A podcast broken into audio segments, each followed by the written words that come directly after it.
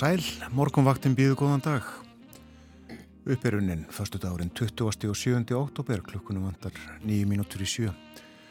Og eins og þölur gatum sjá Björn Þóru Eirún um þáttin í dag. Það er ágættis veður á landinu eins og verið hefur síðustu daga. Hittinn frá 8 stegum þar sem hlýjast var klukkan 6 í morgun og uh, niður í þryggjastega frost, fjórastega frostrunar. En uh, þryggjastega hitt í höfuborginni klukkan 6 léttskíjað, hægur vindur, söðustan þrýr metrar. Það er enn ólag á viður á Kvanneri, upplýsingar hafa ekki borist þaðan, en uh, það er þryggjastega hitti í stikkisólmi líkt og í Reykjavík. Heldur kvassara loknið að flýta sér aðeins meira þar austan sjö fór í 11 metra í mestu kviðu. Tveggjastega hitti bæði á Patrísfyrði og í Bólungavík, hægur vindur, Einn gráða á Holmavík og nánast logn, fjórastega frost á Blönduósi. Hitti við frostmark á Söðunisvita, en þryggjastega frost á Akureyri, skýja þar klukkan 6 og nánast logn. Þryggjastega hitti á Húsavík, 5 gráður á Rauvarhöfn, hitti við frostmark á Skjaldþingstöðum, tveggjastega hitti á Eilstöðum, létt skýjað, hægur vindur, 6 gráður á höfni Hortnafyrði og 8 metrar þar, Sjöstega hitti á Kvískerjum, fjóra gráður á Kirkjubæðarklaustri og áttastega hitti á Stórhauða í Vespanauðum, austan 17 og þrjár gráður í Árnesi. En Eirún, eh, horfur dagsins, hvernig eru þær?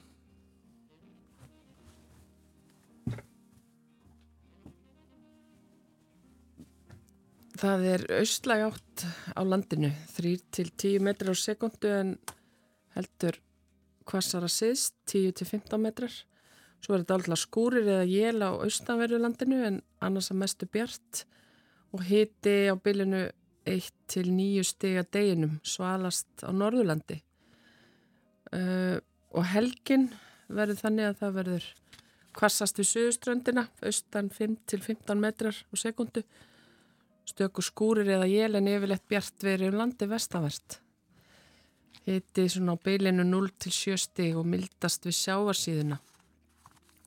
Og það verður hægbreytilega 8 á sunnudag, austan 8 til 13 metra síðst, smá jél fyrir austan en annars yfirleitt létt skíð og hitti á beilinu 0 til 5 stig. Svona eru horfurnar fyrir daginn í dag og helgina. Það er hálka víða á vegum á uh, Snæfellsnesi, Vestfjörðum, Norðurlandi og Östurlandi sérstaklega á heiðum en uh, jarðskjáltarnir á Reykjaneskaganum halda áfram og uh, ég sé á yfirliti veðustofunar að uh, þeir hafa verið bísnamarkir í nótt og sá sterkasti 4,3 og sá mældist rétt upp úr fjögur 3,6 km norður af Grindavík og uh, örfa á mínutum síðar annar sterkur líka 3,7. Það er ímislegt á dagskráð þáttarins í dag, uh, nefni sérstaklega umfjöllunum jafnbreytismál sem við uh, erum með á dagskráð þáttarins í dag í framhaldi af hvennaverkvallinu á þriðudag. Förum betur yfir dagskráð þáttarins eftir fréttinnar en uh, annars eins og yðurlega tal og tónar á morgunvaktinni. Og fyrsta lag þáttanins þennan morgunin syngur Kristjana Arbjörnsdóttir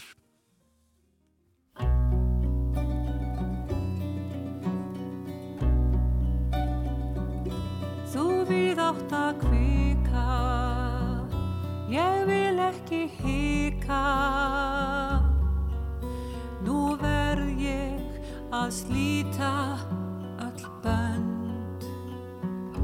Sólgeislar loga um ljósbláa voga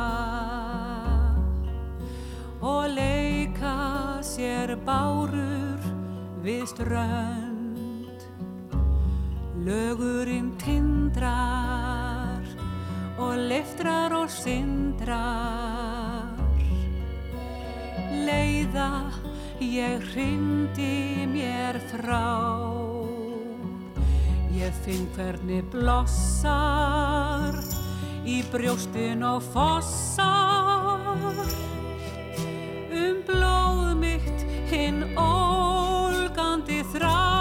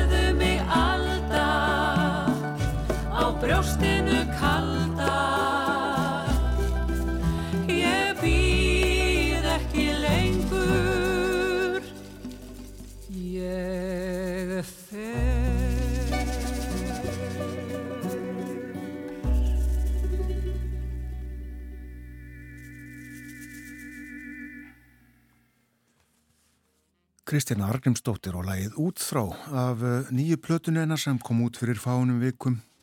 Ég hitti þig, heitir hún. Kristjana samti lagið Elisabeth Gerimundsdóttir ljóðið.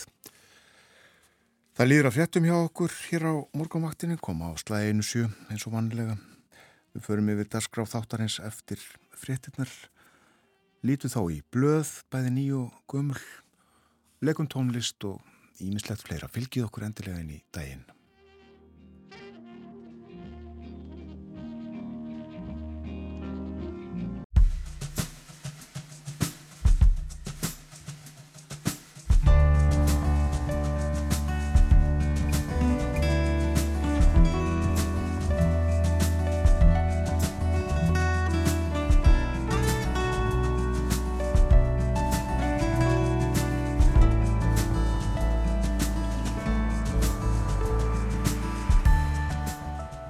Dag, morgunvaktin helsar förstu daginn 20. á 7. oktober.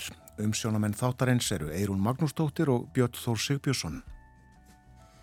Við ætlum að ræða um jafnrétti en konur og kvárum land allt lögðu niður störf síðastlegin þriðdag og alltaf 100.000 lögðu leið sína í miðbæri Reykjavíkur og kyrjuðu ég þóri get og vil.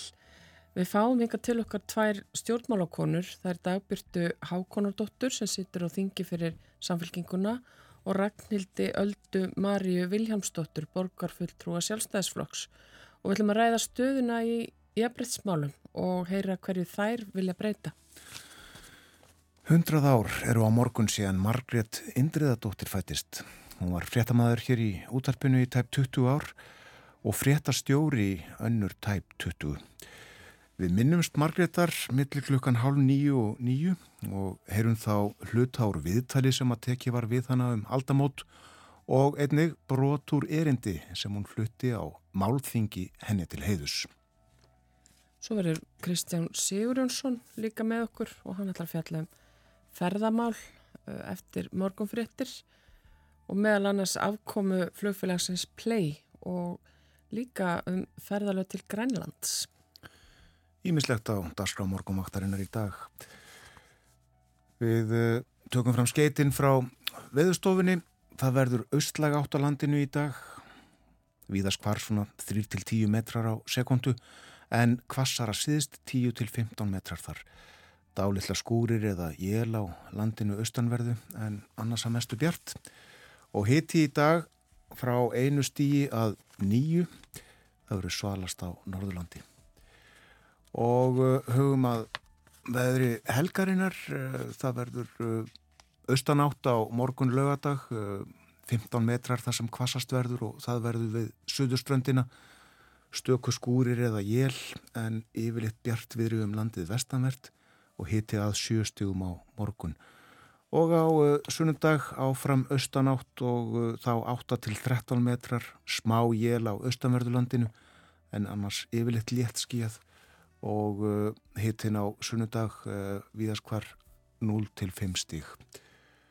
Og það er hálka víða á vegum, það er uh, hálka á Holtavörðu heiði til að mynda og á Snæfellsnesi og uh, hálkublettir á fjallvegum á vestfjörðunum, einnig uh, víða á norður og norðausturlandi, hálka til dæmis á Mívas og Möðrudalsöðrafum og hálkublettir eru líka á fjardarheiði og mjóa fjardarheiði.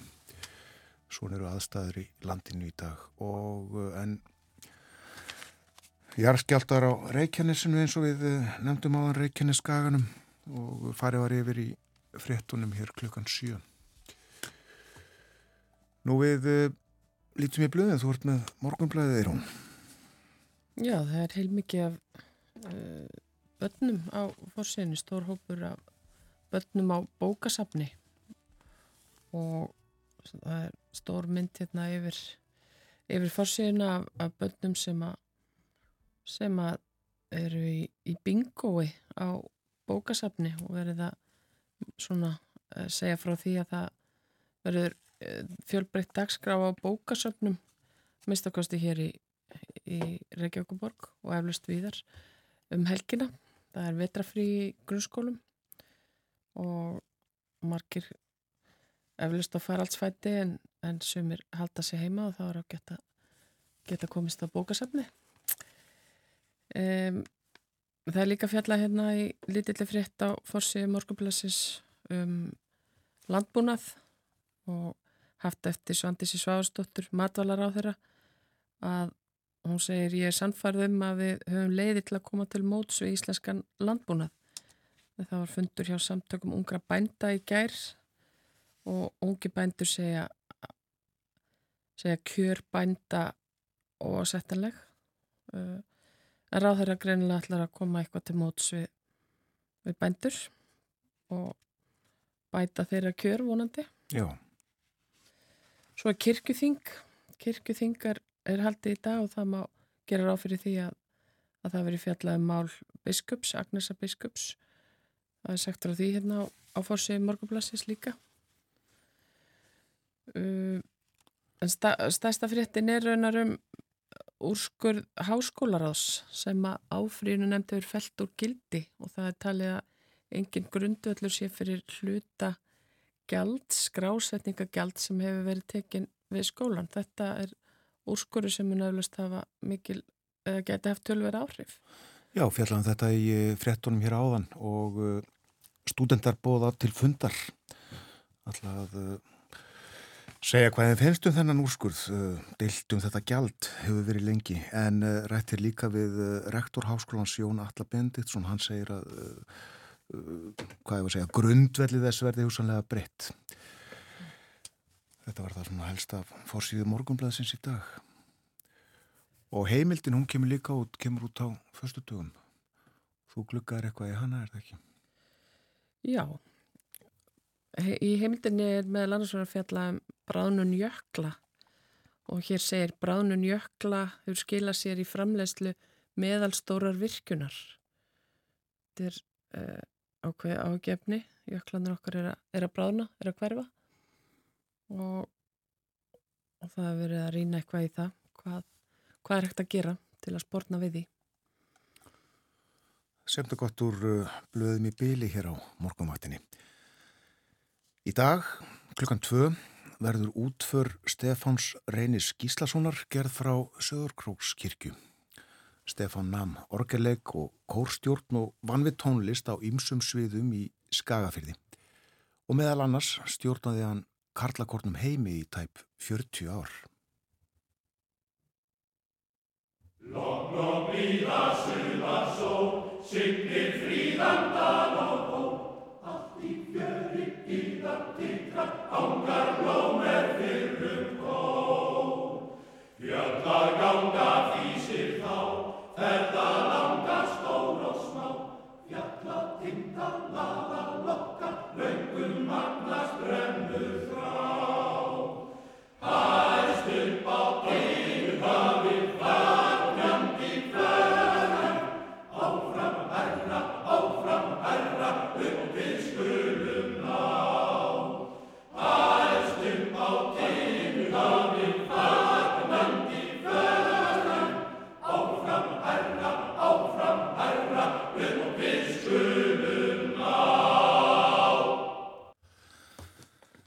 Karlakorin heimir, Lokn og Blíða, Bellmann Sandi, Björgvin Jörgensson, Orti Kvæðið, Stefán R. Gíslason stjórnaði.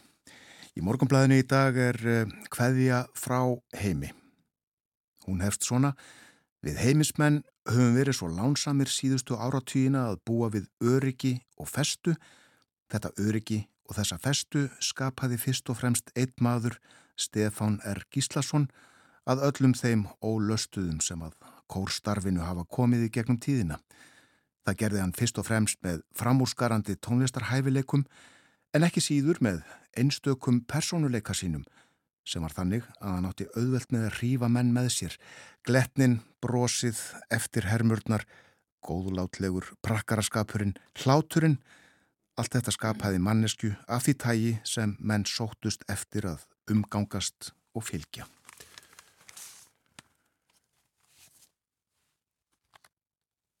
Á morgun er fyrsti vetradagur. Þá gengur gormánuður í garð. Ég uh, fletti í gömlum blöðum, uh, fann þar uh, tíðindi af vetrarkomunni. Lítum hér í Ísafóld frá 27. oktober 1895. Heiðríkur, fagur og blíður er fyrsti vetrardagur og var síðasti sumardagur í gær eins og meiri hluti sumars hefur verið víðast um land. Eittið þegusta sumar er eldstu menn muna. Hinn snöggva og snarpa hríð fyrstu dagana af þessu mánuði stakk þar mjög í stúf. Svona var fyrsti vetradagur 1895. 1898 sumari kvatti í gær með ryggningu eftir all langan þurfiðra kabla Það þurfti að búast sínu rétta gerfi, snöggvasta skilnaði, ónótalegasta, kaldasta og vætumesta sumarði á öldinni eða því sem næst.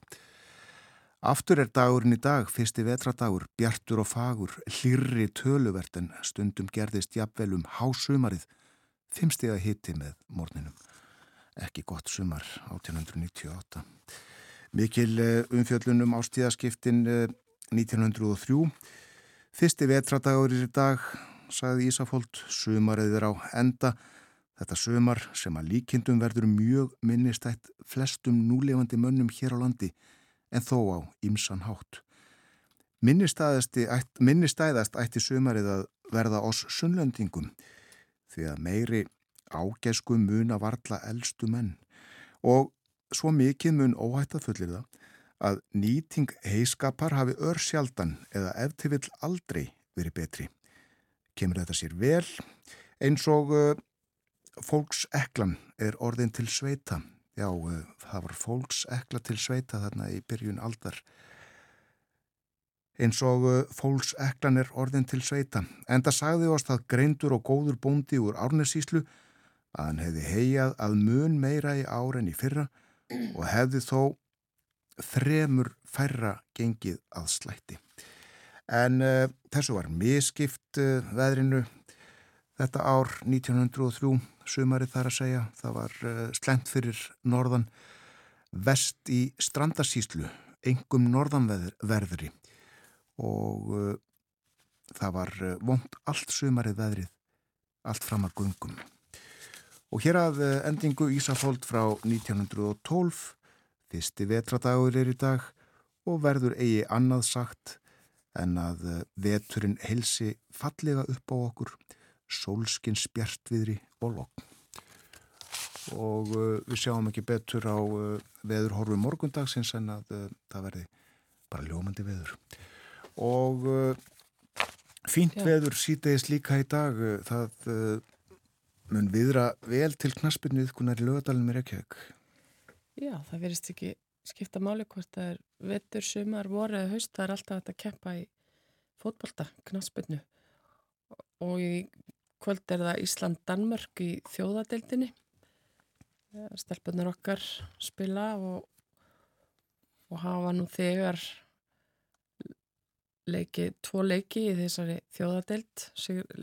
Ísland sigraði Veils 1-0 á heimavelli í september en tapaði svo fyrir Þískalandi 4-0 á útífelli og það verður aftur Ísland Þískaland á þriðdag í lögadalunum en í kvöld er það, er það Danir og íslenska kvennalansliði hefur 13 sinnum leikið við Dani. Gett þrjú í aftefli, sigrað tvísvar en tapað áttasinnum. En tölfræðin hefur svo sem ekkert sérstætt forspárgildi, hún er bara svona til gamans. En okkar konur munu öllust gefa allt í hennar leik á lögatsvelli kvöld. Það er vana því. Og uh, leikurinn hefst uh, hálsju, 1830. Nefnum það líka að á uh, morgun 28. oktober uh, þá verður kosið um saminningu tálknafjarareps og vesturbyggðar. Kostingin hófstrunar uh, fyrir um, þremur vikum eða þar en um bil, það er kosið uh, eftir nýjum reglum og uh, hægt hefur verið að, kjósa utan kjörfundar sem sagt, greiða atkvæði. Í alla þessa daga, ég veit ekki hver þáttakann hefur verið, það hefur líka verið þetta panta kjörstað heima dýrum, færanlegur kjörstaður en eiginlegur kjördagur á morgun og fólk bæði íbúar í Tálknarferðarreppi og Vesturbygð og uh, allstaðar á landinu sem vilja kynna sér þetta allt saman geta gert það á websíðunni vestfyrðingar.is þar eru alls konar upplýsingar um stöðu sveitafélagana og það sem að telja bá að uh, séu kostir við uh, saminningu og uh, eflust eru þar einhverjir gallar tíundaði líka.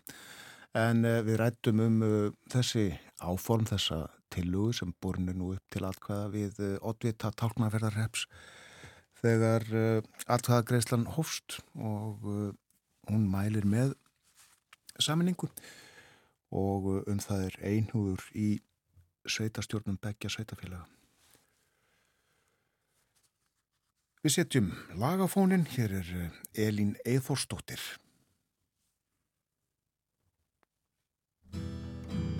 I walked the path of the red roses. I walked with Moses Till the end.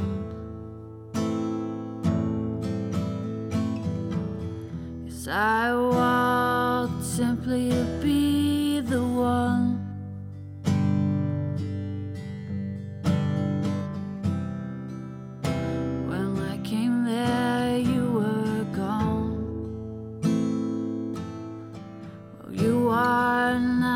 same as you were before. No, you have changed, my love. Yes, you have changed. Well, I won't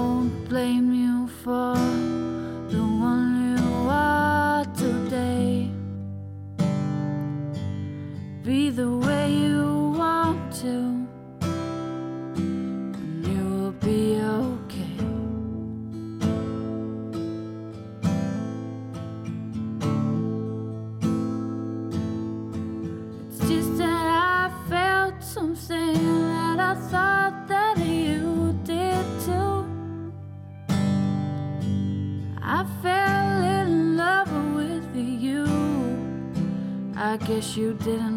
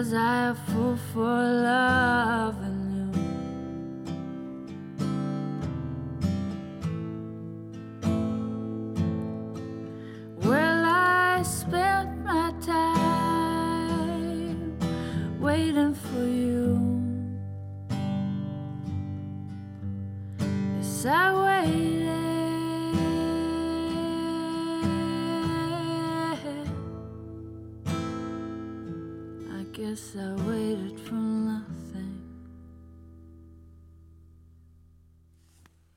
Why Won't You Love Me heitir þetta lag, Elin Eithóstóttir leik og söng og uh, samti einnig lagið. Rétt aðeins aftur á morgunblæðinu við sögum frá uh, gerðmorgun uh, frett blaðsins um uh, fallengun, má segja sem uh, pósturinn á Íslandi fekk í uh, úttækt alþjóða póstsambandsins skýsla úttækt á stöðu póstinnviða Já, eh, Ísland í 90. og þriðja sæti af 172 löndum og eh, póstþjónustan hér eh, vest í Európu. Og þessi skýsla, niðurstöður hennar, þetta er borðið undir Þórhildi Ólöfu Helgadóttur í morgunblæðin í dag, hún er fórstjóri pósins og hún hvaðist ekkert hafa við þessa uh, úttækt að, að uh, aðtuga Ég hef ekkert út á hana að setja þessa skýslu nema bara að segja að þetta verður betra á næsta ári og þetta er betra í dag. Gott. Á fórsýðu austurfréttar er fjallaðum kjör bænda og þar er vitnaði þurriði Lilli Siguradóttur, söðfjörbónda á sléttu í reyðaferði sem að fór yfir fjallaðum kjör bænda á, á fundi samtaka ungra bænda sem var í gær og hefur tölvert verið fjallaðum. En hún segir, kjör bænda eru langt frá öllu sem eðlilegt getur talist að meðan almennur vinnumarkaður berst fyrir stittri vinnuveiku, bættum kjörum og lengra orlofi berjast bændur við að geta framflett sér. Flestir þurfa að sækja vinnu utan bús sem kemur niður á heilsu þeirra. Og bændur segja að það vanti nýliðun í stjettina, það sé enginn kvati fyrir nýja til þess að fara að stað. Og þeir sem eru nú þegar í, í búskap eru að velta fyrir sér að bregða búi jafnvel. Það líður að yfir liti morgunfrétta fáum það uh, hálf átta og uh, eftir frétta yfir liti þá fjöldum við um jafnbrettismál hér á morgunvaktinni.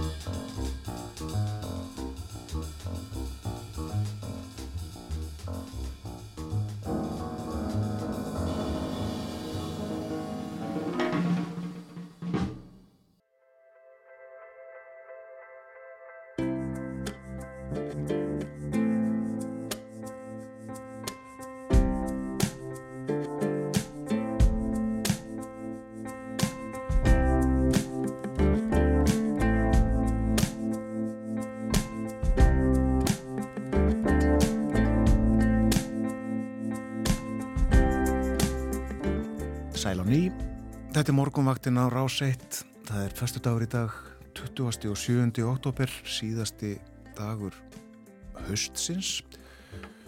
Gormánuður helsar á morgun, þá er fyrsti vetratagur. Klukkan er núna réttliðilega hálf átta. Hugum að veðri það verður ágættisveður á landinu í dag. eh, Vindræðin víða 3-10 metrar á sekundu en eh, aðeins kvassara síðst á landinu, kannski 15 metrar þar og uh, útlitt fyrir dálitla skúrir, jafnvel jél á landinu austanverðu. En uh, annars verður að mestu bjart á landinu í dag. Og hiti að nýju stegum uh, svalast á Norðurlandi. Má kannski búast við gráðið að tveimur þar í dag. Og sjöstega hiti á morgun þar sem hlýjast verður. Og svo kólnar ögn uh, fimmstega hiti, mesti hitin sem að líklegast verður á sunnudaginn austan átt á landinu um helgina. En uh, í hugleiðingum segir veðfræðingur víðáttu mikið lægð langt suður í hafi heldur austlægum áttum að landinu fram yfir helgi yfirleitt fremur hægum en strekkingur verður eða allkvass vindur með suðustrandinni. Dálitla skúrir eða jél á austanverðurlandinu annars að mestu bjart og þurrt. Það er hálka víða á landinu á uh, Snæfellsnesi, Vestfjörðum, uh, Norðurlandi og Östurlandi. Við fórum ítalega yfir stöðuna uh, hér fyrir í þættinum og vekjum aðtikli á vegagerðarnar umferðin.is þar sem að skoðam á ástandið á hverjum vegi á landinu fyrir sig.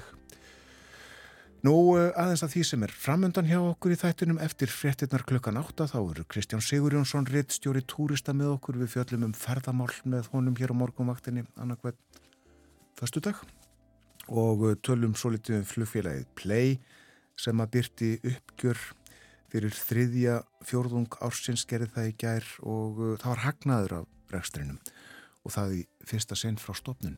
Fjöllum líka um Grænland og uh, tækifærin þar fyrir ferðafólk uh, og uh, fólk í ferðarþjónustu almennt. Svo minn ég á að milli hálf nýju og nýju þá verður fjallað hér í þættinum um Margreti Indriðadóttur á morgun er öld frá því að Margret Indriðadóttir fættist. Hún var fréttamaður hjá útarpinu í tæp 20 ár og fréttastjóri í önnur tæp 20 ár og fyrsta konan á uh, Norðurlöndunum sem að uh, skipuð var eða ráðin frettastjóri hjá ríkismiðlunum og við heyrum uh, hluta úr viðtali sem að Eva Maria Jónsdóttir tók við Margreti 1999 og líka brotur erindi sem að Margreti Indræðadóttir flutti á Málþingi. En nú ætlum við hér á morgunvaktinni að fjalla um jafnbrettismál, er hún? Já, Við ætlum að ræða um jafnbrettsmál, vítt og breytt. Það var hvenna verkvall, hvenna frítagurinn, síðastleginn þriðdag, 24. oktober og hinga til okkar eru komnar Dagbjörn Hákonudóttir, þingkona samfélkingar og Ragnhildur Alda Marja Viljámsdóttir, borgarfulltrúi sjálfstæðisflokks. Það eru búin að koma sér hérna fyrir, velkomnar. Takk, já, við séum við ykkur, já. Já, eins. Takk. Það er talið að alltaf 100.000 konur og kvár hafi lagt leysina í meipar Reykjavíkur og, og konur og kvár auðvitað hópuðist saman um landa allt síðastliðin þriðdag. Mér langar kannski að byrja bara að spyrja ykkur, tóku þið þátt og, og hvernig var svona ykkar upplifin að þessum degi? Já, heldur betur. Við, hérna, við fórum reyndar í sikkur lægi en held að ég, já, já, já einhver starf í mann í kvennhafinu sem var þarna, já. En uh, jú, við, ég, við skelltum okkur við nokkrar hérna, skvísur og borgarstjórn Mm. og uh, byrjum bara daginn snemma í, í morgun uh, ressingar verkfallsgöngunni mm. tókum hringin í kringum tjörnina og svo fekk maður sér smá kaffi og svo var það hallvegastígur og, og svo var farið, neða hallvegastaðir minna mm. og svo var farið þaðan hérna arkað á uh, Arnarhól og þetta var bara dagur sem ég held að ég muni sent gleima það er, all, ég held að allar sem að við öll sem fórum þanga hérna getum við alltaf verið sammálum að það var eitthvað áþreifanlegt í loftin svolítið svona eins og þú ætti að lappa inn í kirkju og þú finnir að hún er rosalega svona heilög eða eitthvað með henni, ég veit þetta er svona tilfinning.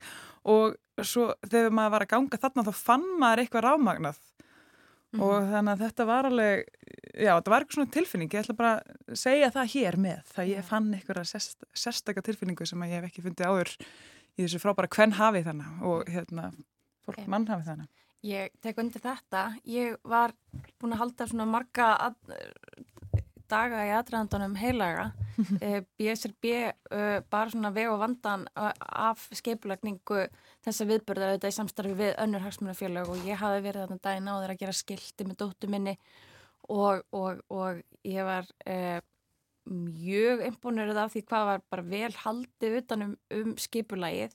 Uh, ég hins vegar sko hef náttúrulega oft verið þarna á Arnarhóli í miklu mannhafi mm -hmm. en það var allt, allt annað að vera þarna þennan dag. Og vinkonum mín vetnaði í, í eitthvað sem sagði við henni ég hef aldrei verið í svona miklu mannhafi en upplifaði mig samt svona örugan og það segir held ég meira en mjög margt um stemninguna. Það var ekkert mál, þú veist þetta var svona þessi vennilegi barningur og uh, svona manns ma tróðningur en það var ekkert mál að koma þarna og færa sig um sitt og það var bara góð stemning. Já, ég samanlega, ég tók þetta því líka, maður stóð hana og var, og það var ekkert stress sko, og maður þurfti ekkert að vera hver að koma hérna, Nei, veist, nei, það var bara, ekki. var þannig að reyna að passa bara að reyka ekki skiltið í næstu konu og, Ég fagna skiltunum, ég veist um mörg er uh, hrikalega góð og teka ekki undir aðtöðsendir margra sem hérna fannst, fannst söm þeirra kannski býstna orðljót. Ég finnst það bara, ef, ef nú er tíminn, ef, ef, ef eitthvað tíman er tíminn þá er hann, var hann núna, dótti mín tíu ára var með skildi sem ástóð fokk feðraveldi og hún valdi sér það og ég gæti ekkert bannað henni það. Þannig að En það vakti heimsatikli á sín tíma 1975 þegar að hvenna frítagurum var fyrst haldinn og þá söpnust konur líka saman í, í miðbænum, kröðust jafnbryttis og, og eflust einhverju hlustendur sem muni eftir þeim degi. Þið muni hann ekki og ég man hann ekki, því við varum ekki fættar. En hvernig horfir staðan við ykkur núna? Við byrja bara á því raglandur. Á hvaða sviðum er jafnbrytti ekki náð? Mér, það sem að mér þykir hvað bersinilegast að er enn mjög langt í land er sennilega þegar það kemur að e, bara ja, öryggismálum, ef ég á að segja, öryggismálum hvernig og hvaðra sko og þá á ég við bara að það er ennþá staðarind, sorglega staðarind að e, hættilegusti staðurinn fyrir konu er á heimilinu og, mm -hmm. og það er bara eitthvað sem við þurfum að fara virkilega að getum ekki veist, verið ennþá að trassa á. Við þurfum bara að fara að taka, fara ykkur almenna að, aðgerri með það. Um, svo er það bara eins að það, það er náttúrulega margt sem er áinni svo sem á, á vinnustöðum og svona en það er ennþá hérna ótrúlega mikið sem þarf að gera til að, að bæta bara öryggi kvenna og kvára og hérna í samfélaginu og sérstaklega hvað var þar heimilisofbildi og annars, annars konar ofbildi. Það er eitthvað sem ég held að allir hljótu vera samanlum að sé e, stort og brínt vandamál e, í samfélaginu okkar. En annað sem að ég, mér finnst eða best þegar útskýra hvað, af hverju þetta skipti sérstaklega máli var að mér, og þetta sló mig í COVID sérstaklega, að þá var ég að heimsækja eitt fyrirtæki sem að sér að vera sig í flutningi og e, millilandaflutningi og innanlands og þau hefðu farið í miklar aðgeri til að fjölga konum á golfinu, sko, konum á hérna þessum ídum og velum hana með gaflinum og í, á lagurnum og öllu þessu. Og, og sáu stórkvæslan árangur af því, það voru færri slis, það var sagt, minna um skemdir, um, kallani voru rosa ánæður með að fá nokkrar konur þannig líka og þetta var svona betur en vinnustæðan mórall og eitthvað mér farið betum alla vörunar og eitthvað mér bara gekk rosalega vel að hafa fjölbreytt fjölbreytni í starfsfólkshópinum þannig. Uh, en svo kom COVID og leikskólinni lókuði og þau hér, skildi ekkert í því að þegar leikskólinni lókuðu að þá voru það konunar í miklu, miklu meira mæli sem að fóru aftur heim. Eitthvað meina að taka uh, þú veist þungana því. En kallanir sem að voru að vinna þannig líka og áttu börn eða barnabörn og alls konar uh, þeir voru eftir í vinnunni þá bara töpust þær allar af gólfinu og hérna og þetta, ég held að mikill partur af því af hverju þau eru að koma svona margir saman eh, núna, var einfallega það að þetta er svolítið ferst í minnum að við heldum við værum komið svo langt en svo þegar áreindi að þá eitthvað með greip svona greip eitthvað í okkur, þetta lærða þessi lærða hegðun og við fórum allar aftur heim mm -hmm. og ég hérna Þannig að mér fannst það vera eitthvað sem að sló mig svolítið og var líka mikið til ástæðan fyrir okkur ég hugsa með mér. Er mikið vært að mæta þannig núna á triðu daginn af því að, að við bara eitthvað meginn, við getum ekki alltaf verið að halda þessu áfram sko. Við, Mm. það, þetta þarf að breytast, við þurfum eitthvað meginn að- að vera saman í því að, að deila þessu álægi þriðju vaktarinnar eða hérna badnirnum eða hvað er, en þess að svo líka annað rannsón sem var að koma út núna sem að konu tókst að mjög skipulegan hátt að bara með ófrávíkjandi hætti eh, sanna það að hérna fyrir konu börn þá hefur það miklu meiri áhrif á hennar eh, framgöngu í starfi og hennar laun en fyrir karl, karla börn. Og það er oft verið að tala um þetta í, í sko út frá sjónarhorni hérna launamunns en ef við skoðum bara mæður og feður og berum saman hvernig, bar, hvernig áhrif hafa barnignir á þessa tvo einstaklinga og þá serðu að það eru konunar sem að dragast aftur hún ekki kallanir. Dabjörn, hvað með þig? Fyrir hverju varst þú að berjast á þriðdag? Ég er auðvitað bara með uh, mjög mikla reynslu af því að horfa í kringum mig bara sem stjórnmálakona, lögfræðingur og bara kona eins og samfélagi á kynbundna mismunun og, og hef verið auðvitað vakandi fyrir því gegnum tíðina að horfa á allt það sem ég fæst við með kynjagleirum. Eh, hins vegar er ég líka bara bjart sín og ég vil bara taka undir það sem Ragnhildur var að segja varðandi e, það að kynbundi opeldi er auðvitað e, líka stóra máli. Vi, við sjáum að konur eru með 21% læri atvinnutekjur en kallar. Það er bara hluti af vandanum. Hættulegasti staðarinn er mitt eins og ég segi fyrir konur að vera á er inni á heimilum sínum. Og, og eins og þú líka kemur inn á svo réttilega að sko þrátt fyrir að konur menti sig þá njóta þær ekki góðs af því í hækkun og launatekjum og, og framgöngu í starfi. Og við erum auðvitað með það eh, markmið hérna þegar var sett með lögum 1961 þá átti, eh, þá var komið á sko, jafnrétti, launajafnrétti í laun í bókstafin og það átti að vera skipulega hækkun og launum hverna sem átti síðan að nást 1967 nú er það 2023 og við eigum ennþá langt í land. Mm -hmm. þannig að, þú veist, ástæðan er bara kynböndi vinnumarkaður.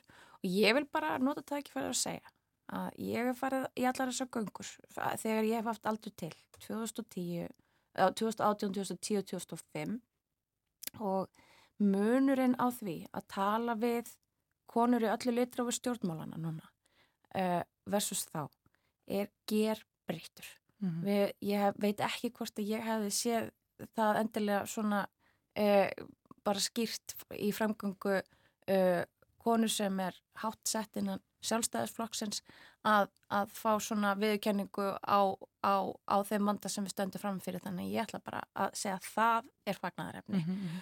og við erum, ég, við sjáum þetta, ég sé þetta líka hjá fjármálaráðara Um, ég sé þetta hjá, hjá okkar, okkar hérna, konum í afstu lögum þannig að við hljótum bara að fagna því.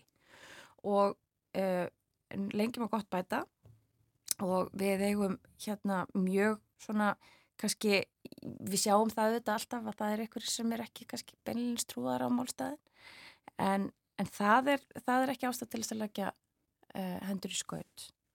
Og, og hérna, já.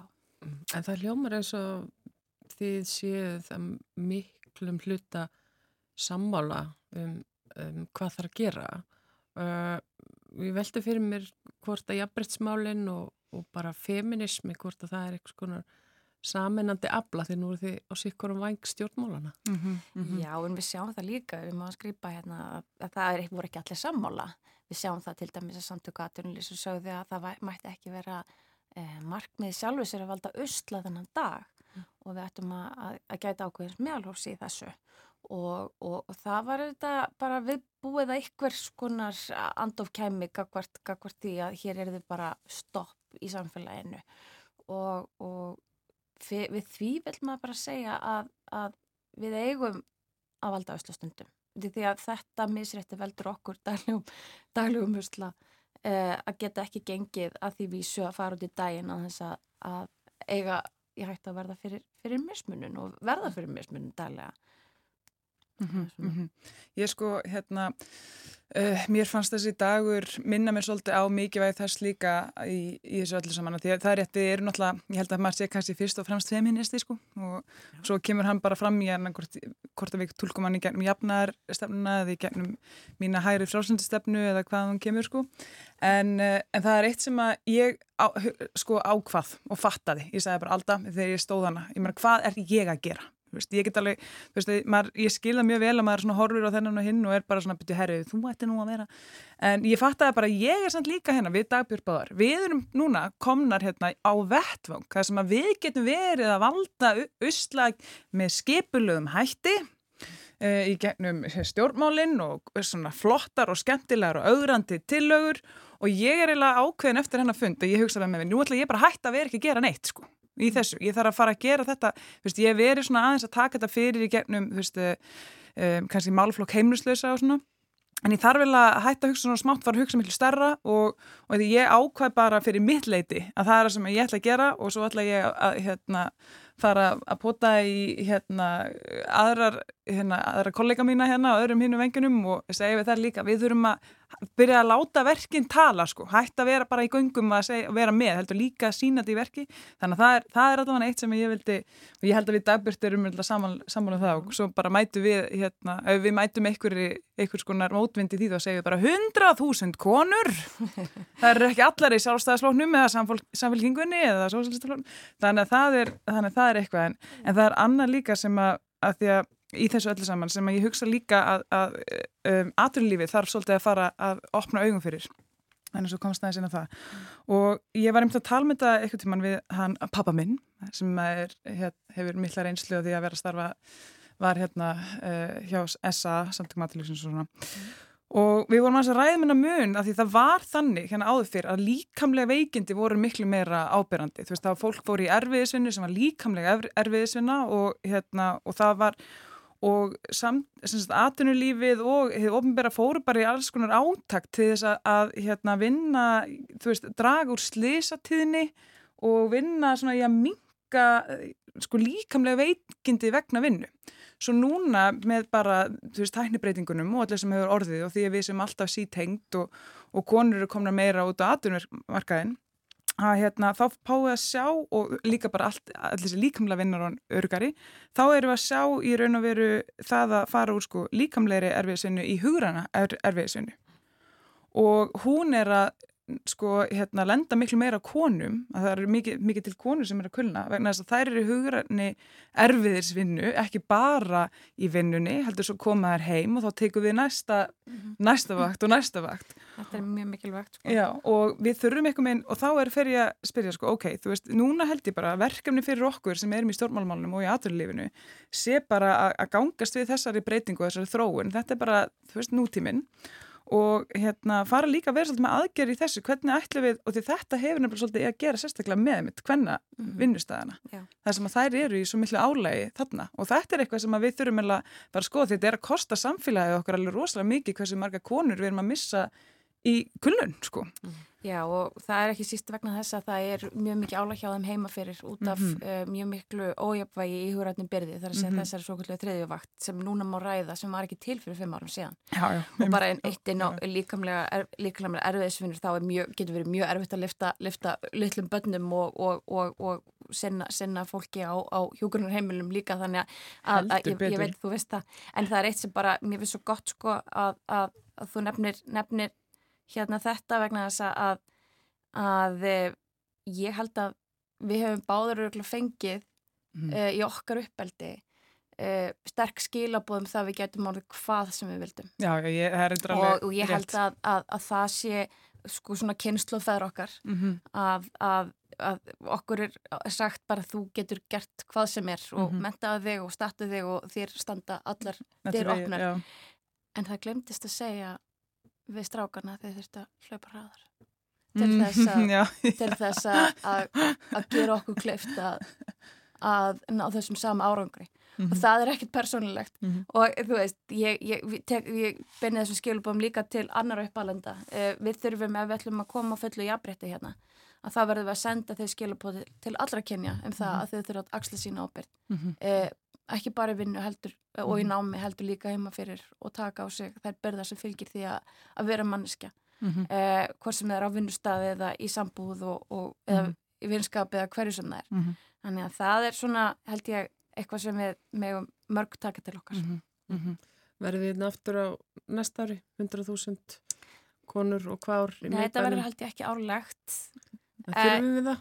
Á ég við? ég skal ekki segja, ég vil ekki bara heia hundraðus manna bara öll á sínum sikkurum staðnum Mhm. uh, og jáfnvel fleiri til, það voru þetta ekki allir sem komist, það voru margir ómi- ómissandi Já, ég, þetta er eiginlega góð spurning. Sko, ég held að það sem að sé raun og veru verkefnið síst fyrir okkur uh, sem að erum núna hérna, sem að þú veist, höfum hlotið kjör erum konur fólksins í gammalt kerfinum og allir þessu að við þurfum eiginlega svolítið núna að bretta upp ermar og láta til okkur taka. Það er annað sem ég glemt að nefna og það var þetta með, með óbyldis uh, bara staðrindina, það er náttúrulega með það að eh, börnin okkar er í miklu meira mæli eins og þessi, þessar sláandi tölur sem við heyrðum hana eh, sem þau voru að lesa upp á hvernig verkfallsteginum sjálfum var þetta það hversi margar ungar konur og bara þú veist 15, 14 ára bara úlingar eru að lenda í ótrúlegum uh, svona bara lendi miklu ofbeldi á netinu. Mm -hmm. og ég hugsa að meina það er, má alveg færa rauk fyrir því að það eigi að vera, halda þetta bara árlega. En ég hugsa að, að þær eh, konur sem kom hana saman núna eru þær svolítið að bara sparka boltan til okkar allra sem erum í eitthvað svona stöðu til þess að, að láta gott að okkur leiða í þáum málstæðarins Uh, og eftir því sem við teljum vera, við erum bestar fallnar hvar sem við erum til þess að geta gert eitthvað sem er innan seilingar og ég hugsa hérna að núna sé það bara okkar hlutverk að fara að stað og, og, og sína við vorum hana í orði og borði sko. Algjörlega og bara við verðum að, að taka það til okkar að það er við stjórnmála fólkið sem byrjum ábyrða því að, að leiðrætta hlut kvennastjætta og greiða fólki í launi samræmi við uh, vinnu sína, taka til til þess að hér er um að ræða störf sem lengst af voru gjaldfrjáls fyrir samfélagið, þar að segja uh, voru ókippis inn á heimilónum en eru uh, mikilvægstu störfin og það er núna, ég ætla ekki að segja langtímaverkefni, ég krefst þess að þessi skamtímaverkefni að sjá til þess að þessi, uh, þetta auðabrætti verið leiðrætt og það er okkar stjórnmálan að gera. Skulum setja punktin hér, við treystum á ykkur að vinna í þessum málum fyrir okkur. Takk fyrir.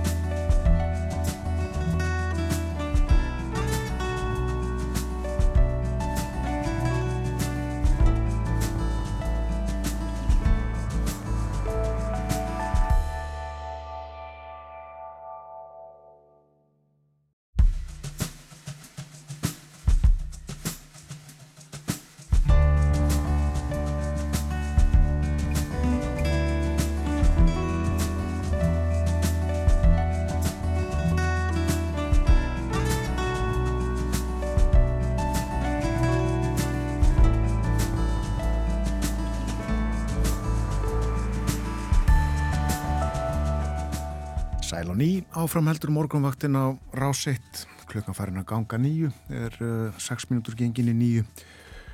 Brynjólfur Þór fór yfir veður horfur dagsins í fréttatímanum hér áðan og uh, við veður horfur dagsins í dag uh, má bæta að verðum helgina verður svona í stórum dráttum svipað og það verður í dag. En veturinn heilsar á morgun, fyrsti vetradagur á morgun fyrsti dagur górmánaðar. Nú hér áðan uh, þá voru jafnbreyttismálinn til umfjöllunar hér í þettinum. Já, það sátu hérna hjá okkur Dagbjörn Tákonadóttir, þingona samfélgengar og Ragnhildur Alda Maria Viljámsdóttir, borgarfulltrúi sjálfstæðisflokks og við rættum jafnbreyttismál og hvernafrítægin. Minnum á að uh, hér uppur hálf nýju þá uh, fjöldum við um Margreti Indriðadóttur sem lengi var fréttamaður og fréttastjóri hér hjá Ríkisútarpinu á morgun er uh, liðin 100 ár frá fæðingu hennar. En nú næstu mínútur fjöldum við um ferðamál. Við erum komin í samband við Kristján Sigur Jónsson, ritt stjóra túrista. Heil og sæl, góðan dag. Góðan dag. Við ætlum að uh, tala með að landa sem Grænlanda á eftir en uh, fyrst að flugfélaginu Play sem að uh, byrti í ger uppgjör yfirleitt yfir reksturinn á þriðja ársfjórðungi, það eru júli, ágúst og september ekki satt. Mikið rétt. Og þetta er sögulegt uppgjör.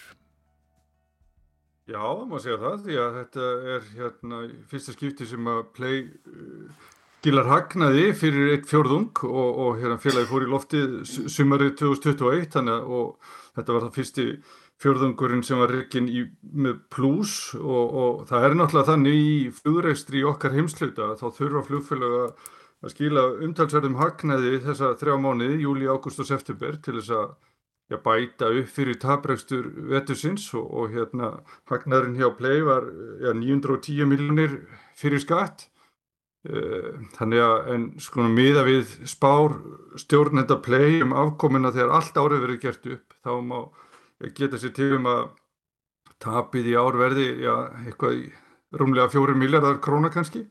Og það bætist þá við þá 11 miljardar sem play tapaði samtals árin 2021 og, og 2022 þannig að en þá er þetta mikið tap af þessum rekstri, það verður bara að horfa stíðu við það en, en stjórnendur play eru þó brattir og, og vísa meðal annars í að, að tekjur og hvert farþegar þær eru aukast og, og fórstjóri í flugfélagsins fór yfir það í fjárfæstakynningu í gær að fargjöldin hafi verið há í sumar og, og horfur á að fara með að verði í vetur, verði líka herra en á síðasta vetri, þannig að tekjur á hverjum farþegar séu aukast en, en En þetta er svona, ég nýðist að allavegna að, að það félagi var allavegna í pluss síðustu þrjá mánuði. Já, og uh, stjórnundum og eigundum og öðrum léttauði þetta en uh, það er kannski eðlilegt að sé uh, tap af rekstri svona fyrirtækis uh, fyrstu misserinn.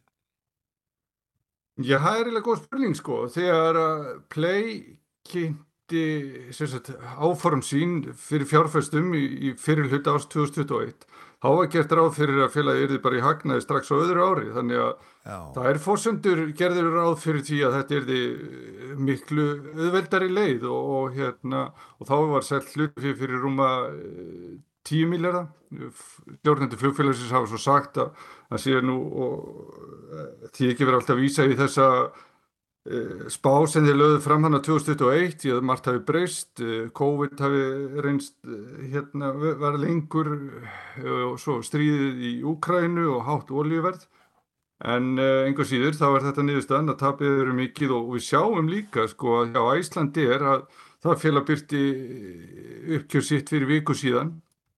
Þar er stefnir ekki að hagnaður ásins verði eitthvað í líkingu við það sem að félagi vil ná til lengri tíma. Það er að segja hagnaðar hlutfallið hjá Æslandi á að vera um 8% eh, til lang, langs frama en, nú í árstefnir í eitthvað 3-4% hagnað. Þannig að þetta er í sjálfu sig á sama tíma og við sjáum náttúrulega landið fullt af ferðamennum. Það er mikil ströymi til landsins og langflestir fljúa með íslensku flugfélaguna því þau standa eil undir öllum flugreistar og keflagur flugvelli. Uh, við sjáum á uppkjörum stóra flugfélaga bæði í Bandaríkjónum og í Evrópu að uh, það gengur vel þar. Það, þessi flugfélag er að jáfnveil hagnast meira en áður. Uh, nú í morgun kom til dæmis Evróska flugfélaga samsteipan EAG með uppkjör en hún eitthvað til dæmis British Airways og Iberia og Air Lingus og Írlandi og, og það er niðurstaðan sko með hagnaður og, og með afkoma bara og, og Þannig að við, erum ekki að sjá alveg það sama til dæmis eh, í bókunum hjá Æslandir þrátt fyrir að það félag síður eins og nýbyrjaði í þessum gera. Þannig að, að það er eh, vissilega svolítið áhengjum efni hvað íslensku flugræstur gengur í sjálfur sér illa þrátt fyrir eh, mjög hafðfælt skilirði allavegna svona á tekilliðinni. Já, Þú nefndir uh, oljuverðið, ég tók eftir því að haftar eftir Birgi Jónssoni fórstjóra play í líklega viðskiptablaðinu að uh, félagið hafi keift eldsneitis varnir fyrir næstu tvo fjórðunga. Það er eitthvað sem skiptir miklu máli í flugrekstri.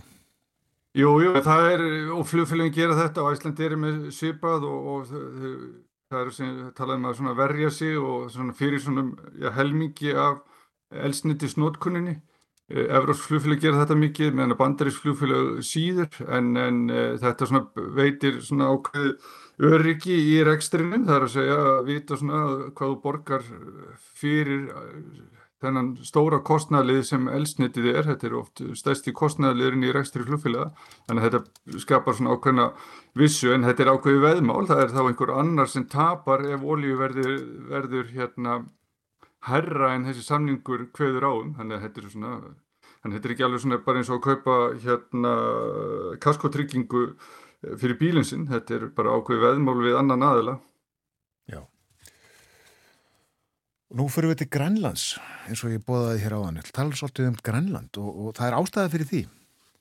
Já, ferðarbókaútgefandi Lonely Planet gefur árlega út lista yfir mest spennandi áfokastæði fyrir komandi ár og, og, og núna er Grænland eini fulltrúi Norðurlanda á listum Lonely Planet og fær sérstaklega viðkenningu fyrir að vera leiðandi í sjálfbarnimálum. Þannig að þetta er uh, viðkenning fyrir ferðarþjónustan á Grænlandi sem er í sjálfur sér vexti, það er hérna og kannski ekki síður, síst vegna þess að nú eru flugsamgöngur að einfaldast, það er sér nýjir flugvellir og, og, og uh, flugfélag heimamanna, er Greenland, hefur verið að kaupa nýja þóttur og, og svo er uh, sjáum en takkifæri í að nýta keflavíku flugvell meira í að, hérna, tengja umferðina millir til dæmis Norður Ameríku eða er að segja Bandaríkjana og Kanada og við, við hérna Grænland. Það er að segja auðveldir í samgöngur eða tíðar samgöngur frá þessum tjömi löndum til keflagurflúvallar og síðan á að reyna þá að auka flugi frá keflagurflúvalli til eh, Grænlands. Eh, Grænlands flugi var lengi vel eh, að mestu á Reykjavíkuflúvalli en hefur núna eiginlega verið fært allt ef ég mann rétt út á keflagflugvel. Já og uh, ég sé að uh, núna eftir 6 mínútur fer í loftið með flugvel frá Æslandir til Núk á Grænlandi. Já, já, og, og er Grænlandi mitt heldur út í ferðum á þessari leið líka og það er þá bara miða við þessi áform sem að ég hafi verið kynnt á stefnir í að, að þessar samgöngu verði bara mjög tíðar og, og, og það verður áhört að fylgjast með uh, sko þróunin þannig að, og líka það hvort að ég ferðamenn sem eru kannski komni langt að, til dæmis frá uh, Asíu, mun sjá tækifæri í, í auknum mæli að, að nýta ferðalagið til Íslands eða Grænlands til þess að gera báðum löndum góð skil og, og með svona tíðar í flugsangungum þá verður opnast fleiri tækifæri hvað þetta varðar. Uh, Grænland er náttúrulega uh, náttúrulega öðri í sig en, en Ísland, það er að segja langt flesti ferðarmenn sem kom til Íslands þeir lega sér bílalegu og, og keirum landi en þú gerir það nú ekki svo öðvöldlega á Grænlandi þannig að, að þú þarfst á flugi og þyrluflugi að halda til þess að gera hérna landinu ágættu skil en, en þú verður þá velja kannski ákveðin part ef þú ætlar að, að, að dvelja Grænlandi í ákveðin tíma. Grænlandi er auðvitað eiginlegt Ísland. Já, mikið rétt. Er Grænland sem áfokastæður einhvers konar samkeppni við Ísland eða heldur þetta að verði viðbót við Íslandsferðina? Já, það geti alveg klálega verið einhver samkeppni alveg, og samahátt og, og færi eru líka í, í sjálfsögur keppinautur en, en þessi þrjú lönd vinna nú öllulega saman að, að því að kynna sig svona út í heimi því að við þekki það til dæmis líka að, að til dæmis ferðarmenn frá Japan og, og Kína þeir koma oft til Íslands og Íslandi þá hluti af einhverju ferðum Norðurlöndin eh, allt þetta farþegar kannski fljúa frá uh, Tókjó til Stokkólms og frá Stokkólmi til Íslands og frá Íslandi svo til Bergen sem dæmi sko. Þannig að fólki er í svona ringferð um, um þetta, þennan hluta Evrópu og, og, og það er þá fólk hefur ekki ótakmarkaðan tíma og ef Grænland og Færi að fara að vera meira spennandi fyrir fjöldafólks þá kannski eh, dreyfur aðeins úr dvalatímanum Íslandi í, stað, í staðin. Eru grænlendingar áfjáður í að fá gesti, eh, byggja þeir upp og hafa þeir byggt upp ferðarþjónustu? Já, já, það er, það er hérna, það veðið á einmitt að ferðarþjónusta verði sífa svona dekkandi atvinningarinn á Grænlandi og, og það er bara hérna, svo sem í takt við það við sjáum alltaf bara eiginlega allstæðir í kringum okkur, það er veðið á ferðarþjónustu, það er alltaf sífært fleira á ferðinni og við sjáum það nú bara á út þrá Íslendinga, Íslendingar ferðast meira og meira og, og það er og, það sama við aðra þjóðir og fólk þarf á hótelum og veitingastöðum að halda og flugferðum. Það er frétt á vefnum ykkar, turisti.is, um kólefnisjöfnun. Þetta er eitthvað sem hefur bóðist núna undarfarið að það er, maður kaupir flugmiða og, og svo er hægt að kólefnisjafna en það segir þessari frétt að það sé lítill áhuga á að kólefnisjafna flýið. Já, það er sko, þetta hefur verið í nokkur ár og í sjálf sem byrjaði Æslandir á þessu fyrir áratu síðan eða, eða svo að bjóða upp á þetta en, en, og þá hefur verið að þá borgar einhverju upphæð og, og hérna það eru gróðsett tré á Íslandi í, í staðin sko til að binda en, en það hefur nú sínt sig að tekur um 60 ár fyrir þessi tré að byrja að binda almenlega þetta kólumni þannig að e, þannig að svona árangurinn af þessu nú kannski ekki mikill í raun og veru en hann fór aðeins yfir þetta fórstjóri Norvítsjanu um daginn því það flugfélag hefur verið með þetta bóðstunni lengi og hann segir að, að sko sæðinu í raun og veru bara viðskiptafinni flugfélagsins væri í sjálf sem bara að segja ósatt. Þeir, þeir segðu í öllum konunum að þeir hefðu mikið áhuga á að, að kólumnisjöfna flugið sitt en svo þegar að kemur á því að bóka flugið og þessa kólumnisjöfnunni þá er það innan við tveira hverjum hundra farþegum sem nýta sér þetta, að, þessa þjónustu. Þannig að hann vil meina að það er fólk bara sé að plata, það, það er tími sjálfur sér ekkert að kólefnisjafna flýið sitt og ég spurðist fyrir hér á Æslandi er og það er hlutfalli ennþá læra, það er ekki einu sinni einn af hverjum hundra sem kólefnisjafnar flýið sitt á Æslandi er og, og Play vildi ekki gefa mér upp uh, hver, hvert hát, hát hlutfalli á þeim uh, kólefnisjafnar en, en þegar að Play byrjaði á þessu, já í mars 2022 tvö þá gaf félagi út að það var stemt að því að svona 1,5% farþegar myndi, myndi borga fyrir kólumrisjöfnun en með að flugfélagi vill ekki einu upplýsa um, um stöðuna þessi í dag þá verður að rekna með að hlutvallir sé bara ennþá læra. Já, þetta kostur auðvitað peninga. Er, er ykkur þumalputtaregla um hversu hátt hlutvall af fargjaldinu uh, fer í kólumrisjöfnun? Nei, þetta er í sjálf og sér ekki að hára upp aður. Þetta er, ég, ég man þetta rétt það var þetta hjá Æslandir til dæmis að fljúa til Tenerife og heim aftur ykkur 6-3 sem þarf að gróðursetja og hvort að gjaldi var eitthvað rúmlega 2000 krónur ef ég mann það rétt, millir 2 og 3000 krónur. En, en, en svo hefur það náttúrulega sínt sér líka að flugfélög þegar þeir eru að rekna þetta út að þau eru í sjálfur sér að eh, ekki að segja allan sannleikan, þau eru að nota rekni aðferðir sem eru þeim mjög hafðfældar, þar að segja að, að losunin sem að kemur út í þessum reikningvelum flugfélagana, hún er í sjálfsög miklu minni en hún er í raun og veru. Þetta vilja umhverju samtök meina og ég var nú með einhverja greinum þetta fyrir nokkur árum síðan þar sem ég talaði við dísk samtök sem sérhafis í þessum útreikningum og þau sögðu að þetta væri ekki réttar tölu sem flugfélagin væri að kynna fyrir neytendum. Og það er kannski eina ástand fyrir því og þessi umræðu all um þessa kólumsjöfnuna að undirtektir farþega eru ekki meir en þeir eru. Því fólk kannski Já, til dæmis eins og ég nefndi aðan þetta með að gróðu sittja norðurkvöli jarðar, það er ekkert sérstaklega árangusaríkt og, og það er svona verið að leita annar að leiða til þess að, að gera þetta með skilvirkum hætti. Og, og ég fekk þessu frá Æslandera, þar væri svona til skoðunar breytt fyrirkomulega á þessari kólumsjöfnum sem er í bóði þar á bæ. Mm. Segjum þetta gott í dag. Þakkaði fyrir að vera með okkur á morgumvaktinni Kristján Sigur Jónsson. Takk sem leðis. Kristján, reittstjóri túrista. Og fjallanum ferðamál hér á morgumvaktinni annarkveð förstu dag.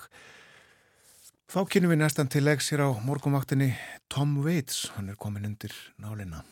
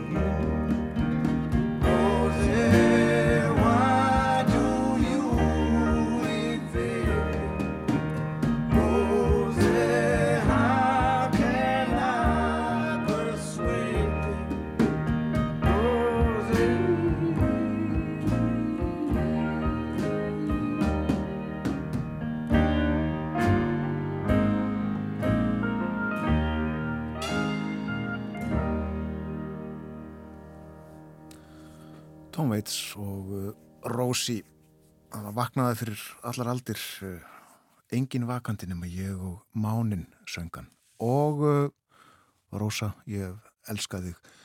Eiginlega frá því að ég fættist framöndan er fréttaeflitt hjá okkur hér á morgunvaktinni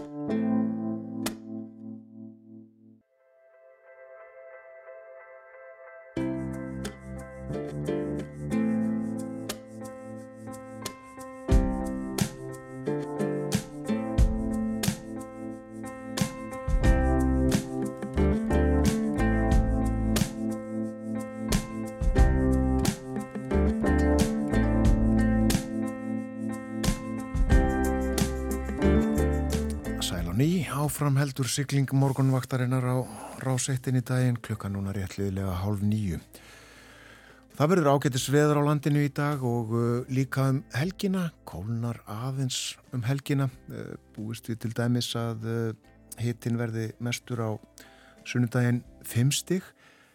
Svo kólna eftir helgi verður nokkuð svalt á mánundag, þriðudag og miðugudag en góður hlustundur á fymtudag þá mun hlína í veðri.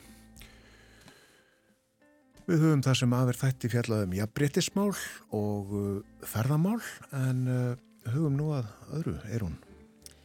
Já, því á morgun 28. oktober þá verða liðin 100 ár frá fæðingu Margreðar Indriðadóttur fréttastjóra útarsins og Þórun Elisabeth tekur við. Margret var brauðriðandi í blada og frettamennska á Íslandi og víðar. Hún var frettastjóri á frettastofu Ríkisútarsins í 18 ár frá 1968 til 1986, fyrst kvenna á Norðurlöndunum sem var ráðin frettastjóri á Ríkisfjölmili. Hún starfaði á frettastofunni í 36 ár, hóf störf árið 1949 og var fyrsti kvennkins frettamæðurinn þar. Áður en hún hóf störf á Ríkisútarpunni hafa hún verið bladamæður á Morgumbladinu og um skammarhið á tímanum. Margret var gift Tór Viljámsinni reytöfundi og þau egnuðust tvo sinni, Guðmund Andra og Örnulf. Árið 1999 tók Eva-Maria Jónsdóttir fjölmiðlakona viðtal við Margreti fyrir þáttinn Góðsögn í sinni grein. Þátturum var síndur í oktober 1999 rétt fyrir 76 ára afmæli Margretar. Hún rætti ímislegt þar og við skulum heyra nokkur brot úr þætti Eva-Maria. Það verðist það að veri nokkuð afreg að fá Margreti til að setjast niður sem viðtalsefni eins og við heyrum fyrst. Hvernig finnst þér að sitja þarna megin við línuna? Ég hef aldrei orðið fyrir svona remmingum af mér aður.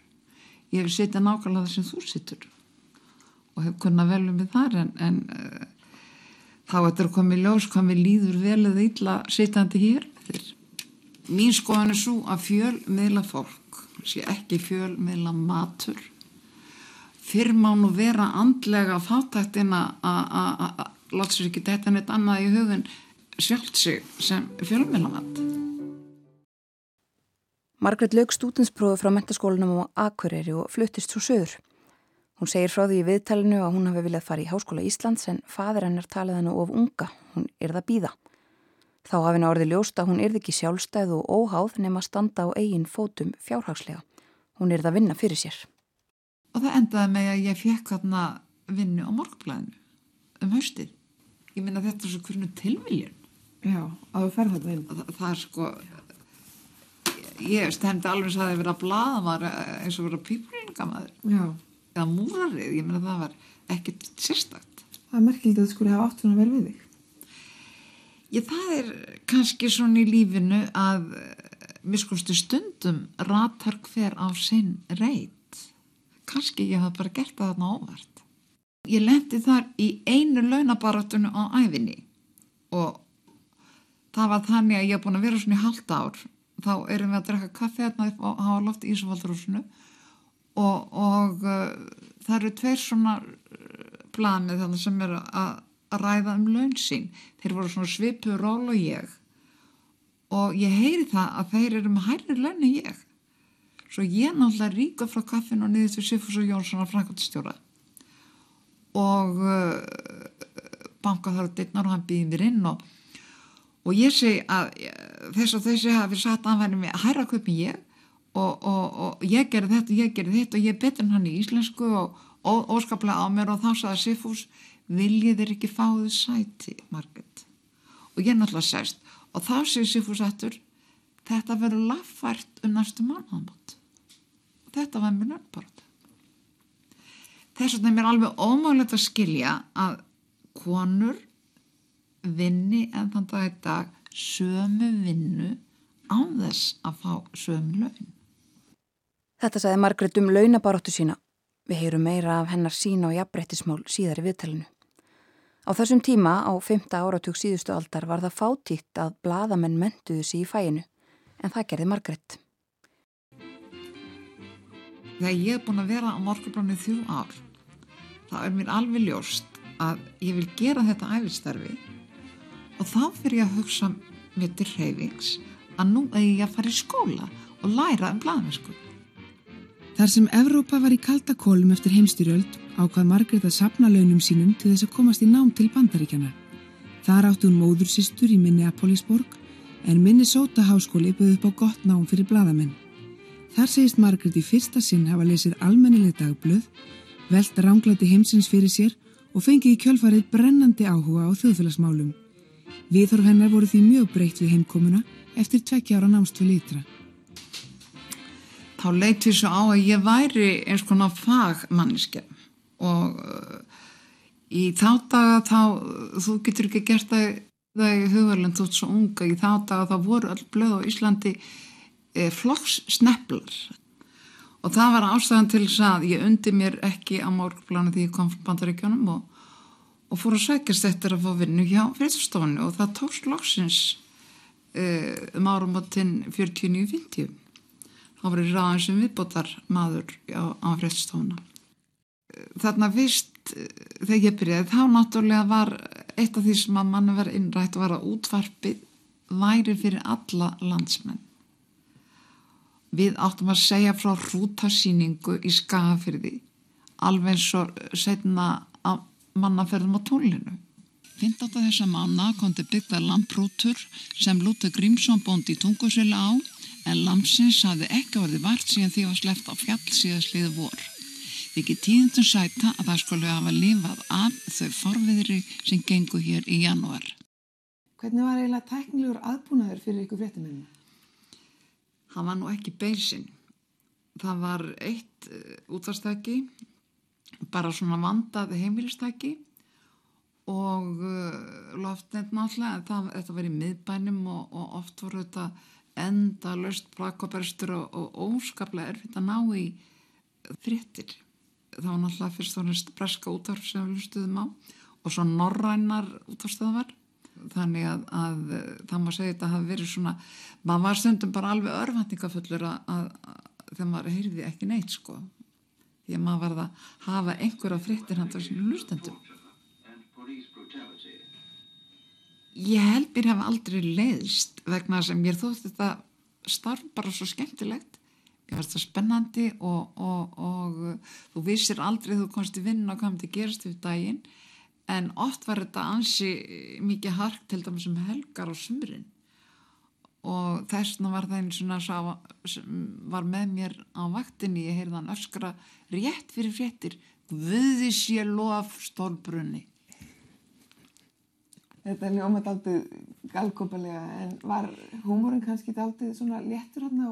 Það var alveg viss orðaræða sem tíðkást af fréttstofunni það var svona það var gálgahúmór mikill og, og helst ekki tala orða alvöru og ég held að þetta hafi nú verið svona eins konar skil eða skjöldur fyrir okkur því að oft var þetta alveg ólýsanlega skelvilegt starf að alltaf að lesa nöfn, heitla áhafna sem hefði farist eða lesa yfirleitt segja frá svona skelvinum tíðindum. Eva Maria spurði Margreti í viðtalinu árið 1999 hvort það hefði verið mikið metnaðar mál fyrir hann að komast í stöðu fréttastjóra. Nei, ég finn eiginlega játa að það var það ekki. Ég þekkti þetta starf allt og vel. Þetta var erfitt, vanþáklagt og ílalögnu starf. Þannig að ég þótti starfið ekki eftirsokna verðt og ég hafði eiginlega náða minni kunnu annað. En svo uh, náttúrulega þegar þú ert varamaður yfirmanns sem deyr þá er það nánast skildaðinn að sækjum starfið gagvart vinnifjölöðinum svo þetta var nú mikið svona af, af já, trúnaði við mína vinnufélagar sem ég sótt um þetta. Ég náttúrulega var ekki neinum stjórnmálflokki og ég var ekki á nefni ég veit ekki eða hvað það heitir. Einhverju stjórnmála ætt er ekki, það ekki til? Og, og að það mér væri góður og gegn sjálfstæðismann en ég var ekki neitt í klíku skulum við segja. Ég var bara fagmaður. En ég hef bara unni við þetta starf. Alla mínu starfsæfi en á Íslandi er það ekki nóg þess að fór starf. Eins og hefur verið býstna dýrt spög í okkur þjóðfélagi í árunar ás. Eins og Margret kom þarna inn á þá lést forveri hennar Jón Magnússon í starfi. Það var árið 1968 og Margret var varafréttastjóri hans. Hún fekk ekki starfið í fyrstu tilraun heldur Ívar Guðmundsson. Starfsmenn Rúf mótmæltu mjög og á endanum dró Ívar sig tilbaka og Margret var ráðinn til starfsins. Fyrst hvenna á öllum Norðurlöndunum. Það var afskaplátt verið að ráðast af friststofuna og, og oftast var verið að kalla okkur kommunista og uh, kom fyrir að við vorum kvöldu líka bandaríkjadindlar. Og náttúrulega við vorum að segja bara svona uh, gandast með það að ef við dindlaðust hæfilega austur og vestur þá væri þetta nokkur vinn væri við nokkur vinn og réttur róli. Það er sennilega ekki hægt að gera stjórnmálamönnum til hæfis í líðræðisriki líðræðið er, er erfitt. Það er erfitt að sætta sig við það að anstæðinga þar hafi líka málfrelsi. Þess vegna er ákvæmlega erfitt að gera e, stjórnmálumönnum öllum til hæris og hér áður fyrir þá sátu þeir með skeiðglöku við útverfið og mældu hvað hver og eitt fekk hvað að tala lengi um hvern og einn eða vitna lengi í þingraðu hvers og eins. Stjórnmálumöll rýfast alltaf fréttstofuna og mun alltaf gera það af því, af því, að, af því að þeir eiga hann allir. Mm. og það er allt í lagi með það. Fyrir mér hefur það aldrei verið neitt vandamál að vera kona. Og uh, það var yfirleitt aldrei það kom fyrir ju fyrstu árin að það var ringt og spurt gengi á röðun og spurt um alla kallmennina og svo sagði, er bara engin við? Og ég sagði, jú, ég er nú við, ég er frétta maður já ég ringi setna og sagt. Og mér fannst þetta nú bara kostulegt. Vegna þess að ég hef enga fordóma kallmenn og maður hef aldrei haft. Og, og ég er bara svo einmikið maður andan það bara leggja á þess að ringi aftur.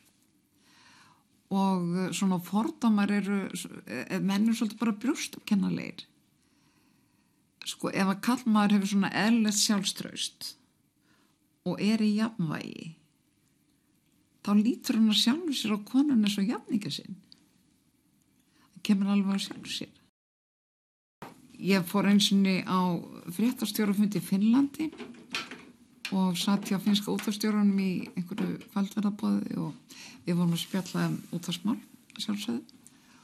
Og ég var að segja hann meðal annars að fyrsti þölurinn hefði verið kona í íslenska útvarpinu. Og þá sagði hann það var einkennilegt ef að kona segði fréttir í Finnlandi myndi engin maður trúa þeim og þetta þótti mér svo einkennilegt að ég maður þetta þetta er þetta alveg orðrétt hann er sennilega haft mjög sem bordömu af því að það var eitthvað fyrirbæri það kom í sumar bæklingur frá jafnréttis ráði og fyndi stæstu á valdustu fyrirtöku Íslandi vita vel að því að konin séu til. Það var alltaf til kona þar í stjórn. Hvað þá stjóri? Það er ekki einasta kona bankastjóri. Og konur fá ekki völd fyrir, fyrir þær fá völd í fjármálaheiminum. Og það þarf enginn að segja mér að konur hafa minna fjármálavit en kallar þetta fyrir ekki þetta í kynjum. Og mér finnst bara dapurlegt að þessi mann auður sem býr í konum sé svona illa notað, notaður að fyrirtæki skul ekki hafa vita á að, að, að falast eftir konum í, í stjórnarnarstörf konur eru ekki minni hluti og það eru ekki neitt sér hópur sér kynþáttur, það eru bara einfallega helmingurinn á mannkyninu En það er oft sagt að það séu svona mýgri helmingur mannkynsins? Það hef ég nú aldrei skilið. Það, konan gengur með barn í nýjum mánuði, elur það og elur að fyrir því. Og það uh, kemur í hennar hlut að annarst öll hörðustu málinn og hörðustu málinn eru mál heimilana og fjölskyldana. Karlar er í miklu mýkri málum, pípurlögnung og byggvilaðiðgerðum og lakka bíla, er það ekki svona mjúklegt, svona ekkert kalla, svona þú veist, dól og, og uh, ég hef aldrei skilið þessa skilgringu. Sem fyrr segir var Margret alveg rétt að verða 76 ára gömul þegar að viðtal Efi Maríu Jónsdóttur við hana var tekið. Þetta var undir lók síðustu aldar og þær rættu líka um framtíðina og aðeins aftur um það hvað henni fannst skrítið að vera sjálf viðtalsefni. Eitt alltaf er bara að vona að lífið merri aldrei úr mér lífsgleðina. Að gleðina yfir því að vera til og, og, og mótnana að lagt til að fara fætur. Það ætla ég að vona. Ég finnst margt óskaplega spennandi í framtíðinni. Ég hef til dæmis, hérna, mér myndi langa mikið til þess að fylgjast með því hvað kemur út á rannsóknum vísindamann á heila mannsins. Þess að það er svo ókanna land og það, manneskjan er svo einkennilega. Hún fyrir tómsins en hún skoður ekki heilan í sjálfu sér. Og, og það á eftir að koma svo margt í ljós. Ég er bara öfenda barnið sem er að fæðast að lifa nýja öld. Sjálf að mig, það vona ég að ég hætti aldrei að finna til í stofnunina tíðar og, og ég, ég, ég, mér far aldrei að vera sama um hvað gerist. Það er það verst af öll að fara að vera tómlátur um sína eigin samtíð. En hefur þú sett þér einhver markmið fyrir næstu öld? Ég hef aldrei aðeins sett mér markmið nefn að klára þetta viðtal. En finnst þér ennþá ég að bleðilegt að vera viðmælandi en ekki spyrill? Ég verð aldrei fram að viðmælandi. Árið 2014 var haldið málþing til heiðurs Margreti. Hún var þá 91 árs gömul og það er óhætt að segja að hún var ekki tómlát um samtíðina. Heyrum á lókum loka orð Margretar í stuttu ávarpi sem hún hjælt á þessu málþingi. Ég held að engin menningarstofnun okkar sé alveg sambarileg við ríkisútvarpið því að þar er að finna samfellu íslenskar menningar í tali og tónum frá 1930 og fram á okkar dag. Og þannig hefur stofnuninn sérstaklega þýðingu fyrir okkur sem hér búum. Almanna útvarp fær umbóðsitt frá almenningi og getur því veitt stjórnveldum hverju sinni það aðhald sem er hluta hverfmeðla. Í almanna útvarpi eiga allir að geta komið fram skoðunum. Samkvæmt nýleiri könnun treysta næstum 80% þjóðarinnar útvarpinu. Þetta er samsagt útvarp hennar. Tröst, það er merkurum málsins. Tröst og virðing. Og mín einlæg ósk er að útvarpi glati aldrei þessu trösti verði áfram alveg ámissandi. Margret Indriðadóttir í erindi á Málþingi. Margret Indraðadóttir fættist 20. á 8. oktober 1923.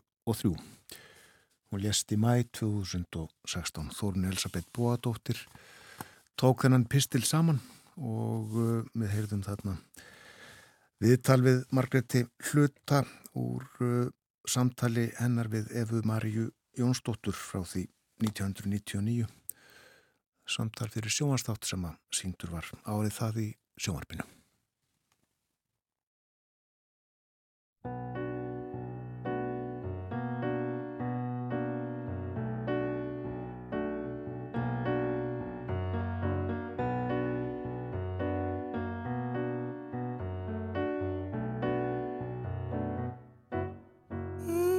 Se despide insensiblemente de pequeñas cosas. Mismo que un árbol que en tiempo de otoño muere por sus hojas. Al fin la tristeza es la muerte lenta de las simples cosas. Esas cosas simples que quedan doliendo en el corazón. Siempre a los viejos sitios donde amó la vida. Entonces parece como están de ausentes las cosas queridas.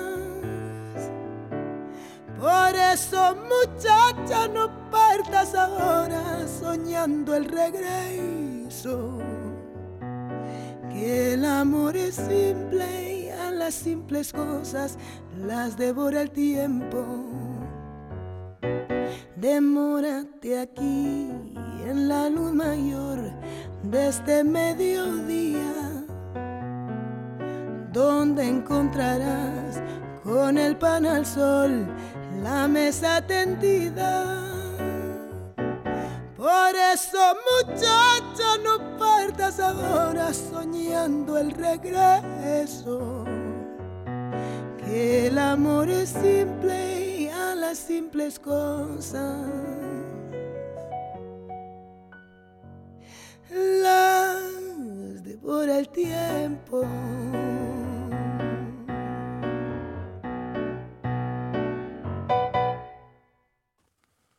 Konsa Bjúika söng hér um einfalda hluti las Simples Cosas.